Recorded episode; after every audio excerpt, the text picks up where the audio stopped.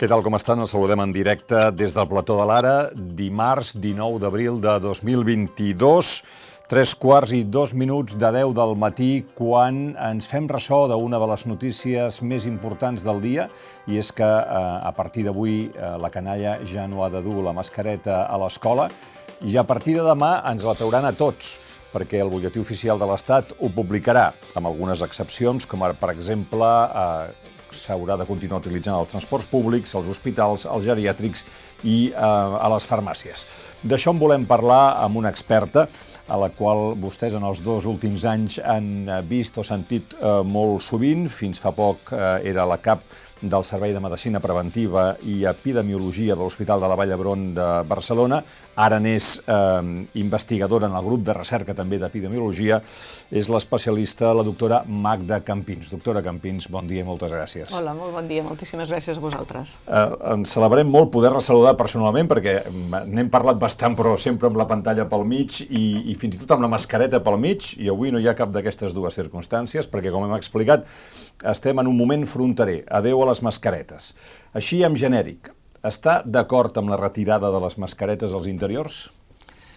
Bé, sí, però amb matitzacions, diria. Eh? Eh, des d'un punt de vista sanitari, jo crec que els sanitaris tardaríem més, en general, a, a retirar les mascaretes, no? perquè encara estem amb una alta circulació de virus, realment aquesta pandèmia no s'ha acabat, el virus hi és, el que passa que ens trobem en unes circumstàncies molt diferents de les que teníem mesos enrere. No? Tenim una variant que sabem que, que és més lleu, que es comporta, és menys patògena, no? es comporta d'una manera més lleu, sobretot en les persones joves, sense factors de risc, no?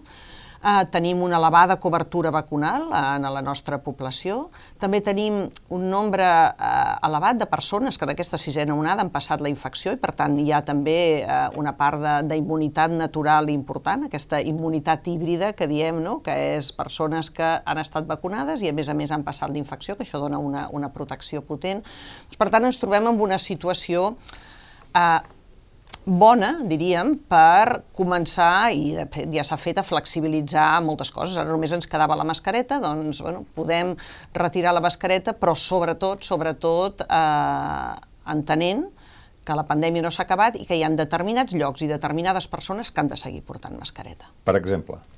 Per exemple, llocs, els llocs on hi ha persones vulnerables, no? i això ja és el que ha establert el govern. No? Eh, centres sanitaris, eh, hospitals, atenció centres d'atenció primària, residències, centres sociosanitaris, també les farmàcies, perquè és un lloc on hi van persones que tenen patologies, van a comprar doncs, medicaments, a demanar algun consell al farmacèutic, persones que poden estar infectades i poden anar a demanar també a, a comprar medicació, a demanar consell al farmacèutic, per tant també és un lloc que es podríem considerar que, que és de risc per persones vulnerables, també el transport públic, perquè el transport públic, eh, si a les hores puntes s'hi ajunten moltes persones, amb espais molt reduïts i la ventilació no és la ideal. Perdoni, ara que em diu això, una imatge que em va quedar molt gravada, diu, però sobretot recorda que a la barra també hi pot haver un virus, vull dir que no tot és la mascareta, no? Sí, però la transmissió per contacte, així com al principi realment insistia molt en que les vies de transmissió era la via respiratòria, sí. sí. doncs això ja hem vist que realment la transmissió per contacte eh, té un pes específic molt petit en la transmissió d'aquest virus. És un virus de transmissió bàsicament respiratòria. En el cas del contacte hauria de ser doncs, bueno, una, una... Bueno, algú que hagués estornudat, que hagués fet així amb la mà... I secreció respiratòria a la barra i després que amb aquesta mà tu te la posis a les mucoses. No? Disculpi, molt no, bé. No, no, no. Sí. Per tant, transport públic, hospitals, eh, centres d'assistència primària, geriàtrics, farmàcies. Algun lloc més? Sí. Uh, llocs uh, on hi hagin eh, per exemple, persones vulnerables en el sentit, per exemple, de, de llocs de treball, no? I això també s'ha dit. Els entorns de treball no són tots iguals, no? Eh, I hi ha persones de totes les edats en els entorns de treball. Bueno, persones més grans de 65 probablement no, però... ja no, però hi poden haver-hi persones de menors d'aquesta edat però que tinguin patologies de base, que estiguin immunodeprimits i per tant que siguin d'alt risc.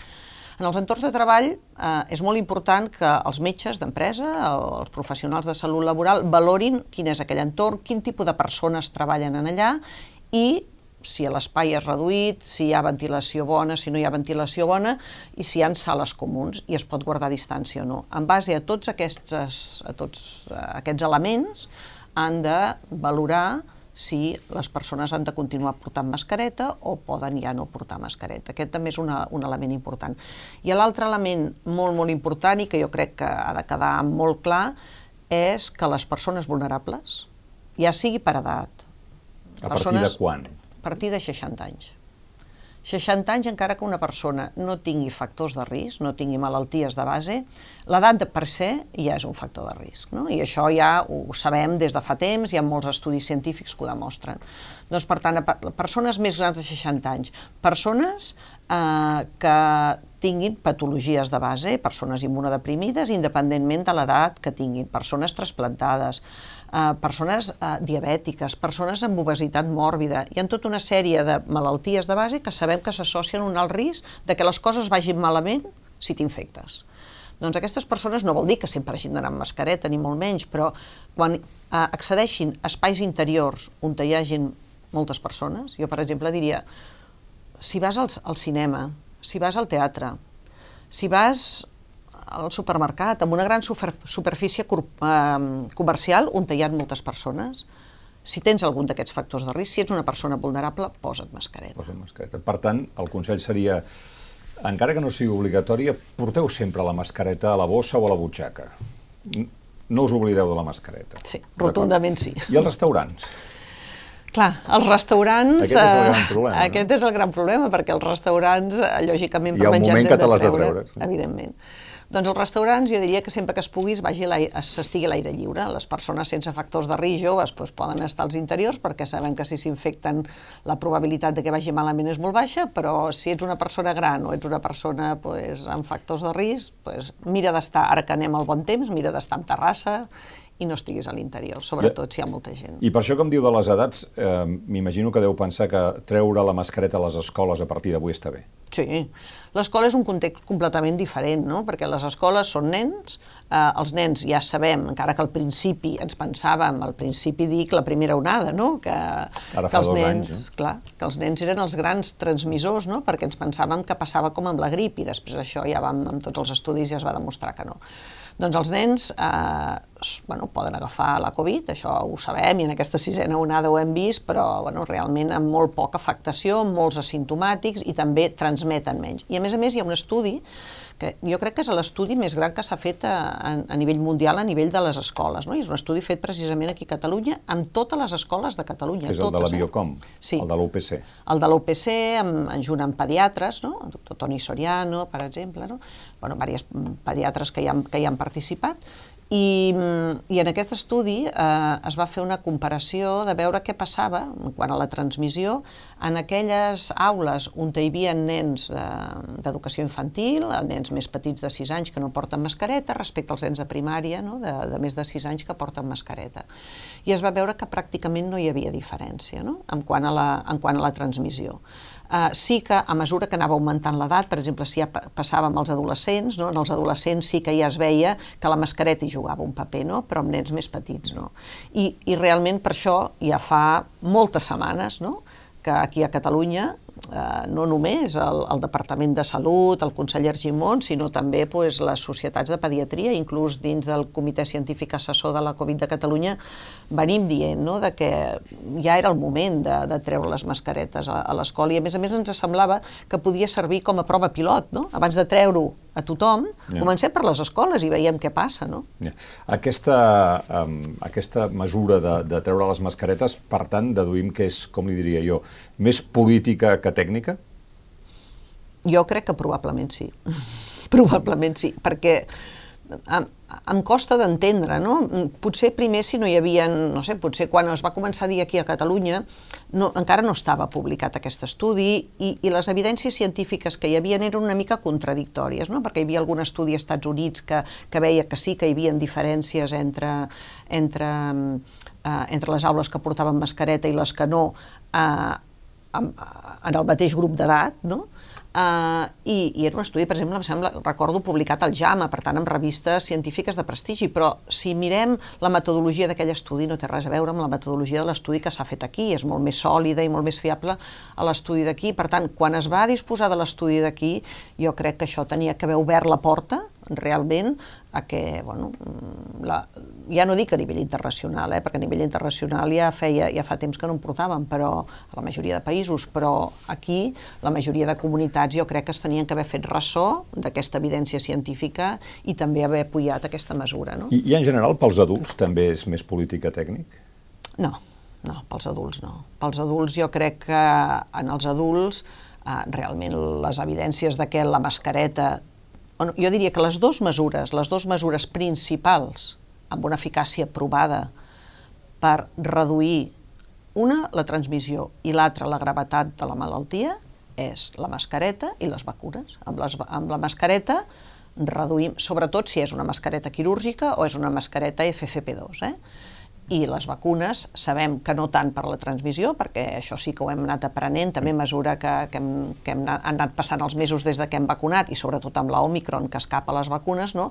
doncs hem vist que sí, que et pots infectar, encara que estiguis vacunat, però realment on hi ha una eficàcia alta és per evitar formes greus de la malaltia, hospitalitzacions no. i UCI. No, per tant, sí, és a dir, eh, sí que és una, una mesura gairebé més psicològica que una altra cosa, perquè si, si ens traiem la si, si l'epidèmia continua, ens podem a partir de demà estar més, més desprotegits, no? Sí, això és evident i, i, i hem de ser tots molt conscients de que sense mascareta hi haurà més contagis. O sigui, tots esperem que, amb, ja no només amb les interaccions que hi ha hagut aquesta, durant aquesta Setmana Santa, no?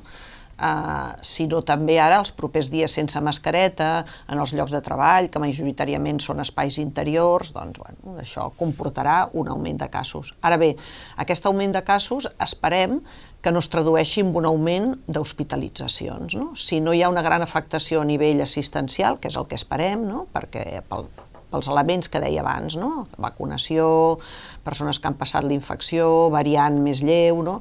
tots aquests elements esperem que ens ajudin a que encara que hi hagi una, un augment de casos, eh, aquests casos no siguin greus i no tinguem un impacte en els hospitals. El que és clar és que això té un impacte psicològic, ja dic, perquè eh, a partir de que sembla que perquè ho diu el BOE s'ha acabat l'epidèmia, però no. Ja sabem que no, que no és exactament així, però aleshores hem de preguntar en els, en els científics quin comportament creu que tindrà eh, el virus a partir d'ara? Jo crec que el virus a partir d'ara, si, si seguim amb aquesta variant, amb Omicron, no? encara que sigui pues, la subvariant, eh, fins ara teníem la BA1, ara tenim la BA2, sabem que hi ha la, la BA3, la 4 i la 5, no? Però si totes més o menys, encara que siguin més transmissibles, es comporten des del punt de vista patogènic més o menys igual, no? en la nostra situació, com deia, amb les cobertures vacunals que tenim, doncs probablement tindrem sí, pics, augments de, de casos, no? però sense afectació important a nivell sanitari. Res a veure amb les, amb les altres onades. I més també tenint en compte l'època de l'any en què estem, no? estarem més a l'aire lliure, que sabem que hi ha menys transmissibilitat, o sigui, jo crec que, que ara estem en, en un moment en què tenim molts elements a favor. Ara bé, si, si canvia la variant, ens ve una variant més patògena... Pot venir una, una variant sí. més forta? Pot venir.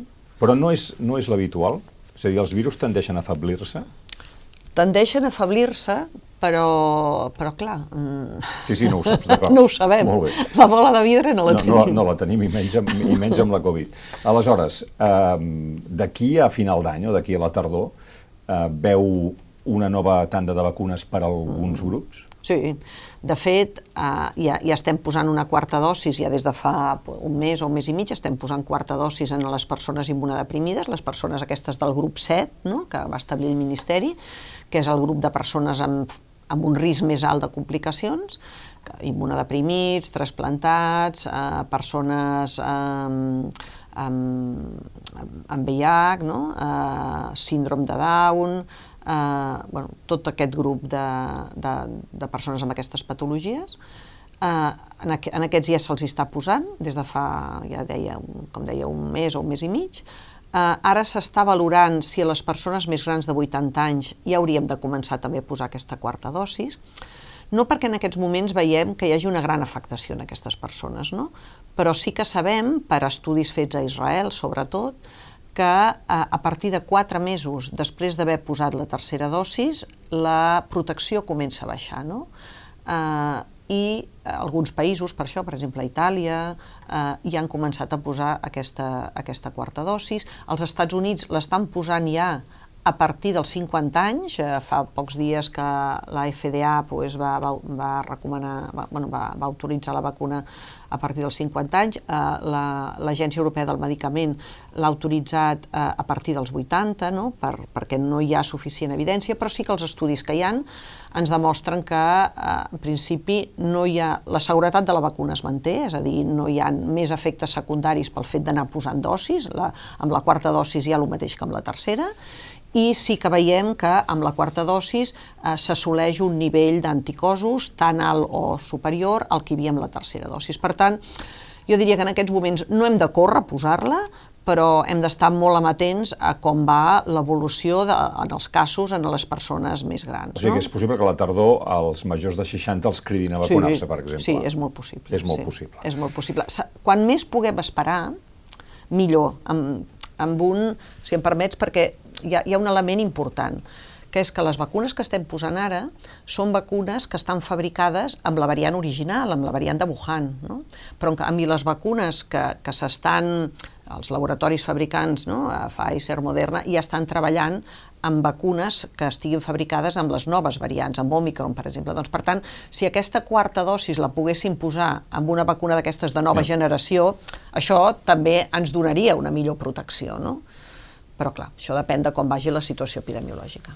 Com que quan fas, toques una peça, doncs un altre en pot quedar una, una mica afectada també, i ja, eh, si la retirada de les mascaretes pot donar més vida a la grip. Sí, més vida a la grip eh, i més vida a totes les infeccions que es transmeten per via respiratòria. I, de fet, això, per exemple, ho hem vist amb el pneumococ, no, no en el nostre entorn, eh? no, a nivell, a nivell de, de, de Catalunya o d'Espanya, no dic només aquí, sinó que hi ha estudis en altres països en què s'ha vist que la retirada de les mascaretes, per exemple, al Regne Unit, no? el Regne Unit, que és un dels llocs on les han retirat abans, augment de pneumococ, que és un bacteri que provoca les pneumonies, no? eh, augment de, això, un augment petit i amb una patologia poc freqüent, però per exemple les meningitis meningocòciques, no? doncs al Regne Unit s'ha vist un petit increment de meningitis meningocòciques, per què? Perquè totes les infeccions per via respiratòria, doncs lògicament al portar mascareta evitem i reduïm el risc de transmissió. Ara eh, disposaran de menys dades per saber com funciona l'epidèmia? I els, fins a quin punt els hi complicarà la vida, sí. això? Ara ja ens ho està complicant perquè realment ara no podem comparar les dades que tenim ara, les, per exemple, a nivell de Catalunya, no? dades obertes Covid, no? on teníem cada dia la informació de com estava anant la situació epidemiològica. Ara aquestes dades no, a grosso modo, diguéssim, no són tan fiables. Per què? Pues perquè a les persones menors de 60 anys, si no tenen factors de risc, no se'ls fa proves, encara que tinguin símptomes compatibles. Per tant, ara, aquesta incidència acumulada que miràvem a 14 dies, a 7 dies, no? amb aquestes persones joves, això ara ja no té valor. Ara ens hem de fixar amb les persones més grans de 60 anys. Per què? Que perquè són les que són vulnerables i en aquestes sí que si van al cap amb símptomes, aquestes se'ls ha de fer la prova. Llavors, aquest és l'indicador que val, eh, com, com està la incidència acumulada en els més grans de 60 anys, i sobretot els dos indicadors principals són els indicadors d'hospitalitzacions, no? com va si ens augmenten o no els ingressos a plantes d'hospitalització i si ens ingressen o no, eh, si ens augmenten o no els ingressos a les unitats de cures intensives. Això és el que realment ens marca ara la línia a seguir. Ja, uh, ja diem que uh, el fet que retirin les mascaretes té un fort impacte psicològic uh, una mica per entendre o per donar la idea de que, bueno, doncs que això de la pandèmia ja, ja no té el perill que tenia, etc etc. No? no sé si és un moment ja per fer el, algun balanç, però des d'un punt de vista professional i fins i tot personal, aquests dos anys, perquè ara estem més o menys sobre el segon aniversari de, del primer confinament, eh, quin, quins són els, eh, quines són les principals lliçons que han extret, doctora Campins? Bé, jo crec que hi ha, hi ha diverses lliçons. No? Primer, que la primera de totes, no? i si anem al principi de, de la pandèmia, que no podem mai minimitzar eh, un, un nou virus, un nou bacteri, una, una situació epidemiològica eh, que estigui passant en un altre lloc del món i pensar que perquè això allò està passant a milers de quilòmetres, eh, això, i amb una cultura i amb un entorn molt diferent, això no ens passarà a nosaltres. No? Eh, realment hem de saber veure les amenaces i hem d'estar preparats. En aquest, no estàvem preparats per, per una pandèmia d'aquestes característiques, a pesar de que sabíem tots els epidemiòlegs, hi ha bueno, quantitat de llibres i de documents eh, sobre que arribarien pandèmies no? i que vindrien noves pandèmies i de com preparar-se, però això des de des de la pandèmia de grip del, del 2009 no es havia fet cap actualització i realment tot això es havia quedat en teoria. No, a la no estàvem preparats, vol dir, no teníem què? Mascaretes, no teníem... Bueno, no teníem sistemes, sistemes de vigilància adequats per saber, per saber on estàvem. Primer, perquè realment, al principi de tot, eh, el virus estava circulant en aquí. Quan vam detectar els primers casos... Sí, sí, el virus ja feia dies Ens pensàvem que, que el virus vindria de fora. Devia venir de fora, evidentment que va venir de fora. Però quan vam detectar el primer aquí ja hi havia circulació comunitària. Doncs, per tant, tot això no va ho vam fallar. saber detectar, va fallar. No teníem una bona preparació dels laboratoris i, i vam centralitzar-ho tot en un únic laboratori que va col·lapsar a l'endemà. Doncs, per tant, tenim que tenir una red, una xarxa de, de laboratori suficientment preparada, i això sí que ara afortunadament la tenim, per poder posar en marxa les tècniques de, de detecció i de diagnòstic el més ràpidament possible. La capacitat de, de donar resposta des del punt de vista assistencial, sobretot a nivell dels hospitals, la tenim, i això sí que es jo crec que sí. es va demostrar. No? I, I també molt important que quan eh, autogestionem, probablement som... No, no, probablement s'ha demostrat. Uh, som millors que no quan hi ha una única una única directriu i tots hem de seguir aquella directriu. Perquè no tots els hospitals són iguals, no tots els centres d'atenció primària són iguals, cada, no tots els, els territoris són iguals i per tant cada un coneix el seu territori i coneix el seu entorn. No? Doncs per tant, en aquests, en aquest, sí que hi ha d'haver-hi, lògicament, algú que dicti una mica com s'han de fer les coses, però després hi ha d'haver-hi autogestió. Jo crec que això ha quedat, ha quedat palès, no? I, per exemple, no sé, jo parlo del que més conec, que és en el cas de, del nostre hospital, de l'Hospital Vall d'Hebron, i a nosaltres, he dit, estàvem condenats si no fèiem autogestió, no? I el fet de poder eh, pactar amb els centres, amb els hospitals del, del, nostre, del nostre entorn, públics i privats, perquè aquí també vull posar en valor a tota la feina que s'ha fet en la sanitat pública, perquè la sanitat pública ha estat al costat de la sanitat privada eh, i, eh, perdó, de la, la, la pública i la privada, totes dues, perquè i, i, i hem treballat conjuntament independentment de que un sigui un hospital públic i l'altre sigui un hospital privat, i això ens ha donat molta més capacitat de resposta. No? Doncs jo crec que tot això, tota aquesta, tota aquesta gestió que hem fet ha sigut clau per poder atendre els casos greus on, queda, on hi ha més mancances en aquests moments, l'atenció primària. I l'atenció primària s'ha vist sobretot en aquesta sisena onada, no? que s'ha vist absolutament col·lapsada. Per tant, s'ha de reorganitzar l'atenció primària eh, i se'ls han de donar més mitjans, mitjans eh, de personal, recursos humans, eh, no només mèdics, sinó d'enfermeria, i aquesta és una assignatura pendent i, i molt urgent i molt urgent. Uh, potser el cas més greu, i bueno, sense el potser el cas més greu, són la gent gran, la quantitat de, de persones grans que van morir a les residències. Sí, sí, jo no sé si això és també és, és un error que ja sabrem esmenar en el futur. Bé, jo, jo crec que, sí, sí, evidentment la cara més dura d'aquesta pandèmia han estat les residències, no? I, i en aquí eh, a veure, jo, jo crec que hi ha un fet que, que es va canviar tard, no? perquè ja havien mort moltes persones, però és que les residències passessin a dependre de, de sanitat, no, no de serveis socials. No? Per què? Pues perquè així totes les residències tenen assignat un centre d'atenció primària i tenen un personal mèdic i d'infermeria d'atenció primària que controla la, la salut d'aquelles persones, no? encara que hi hagin residències que sí, que tinguin un metge o que tinguin una infermera, però és molt diferent no? fer-ho tot des de, amb un centre de salut assignat.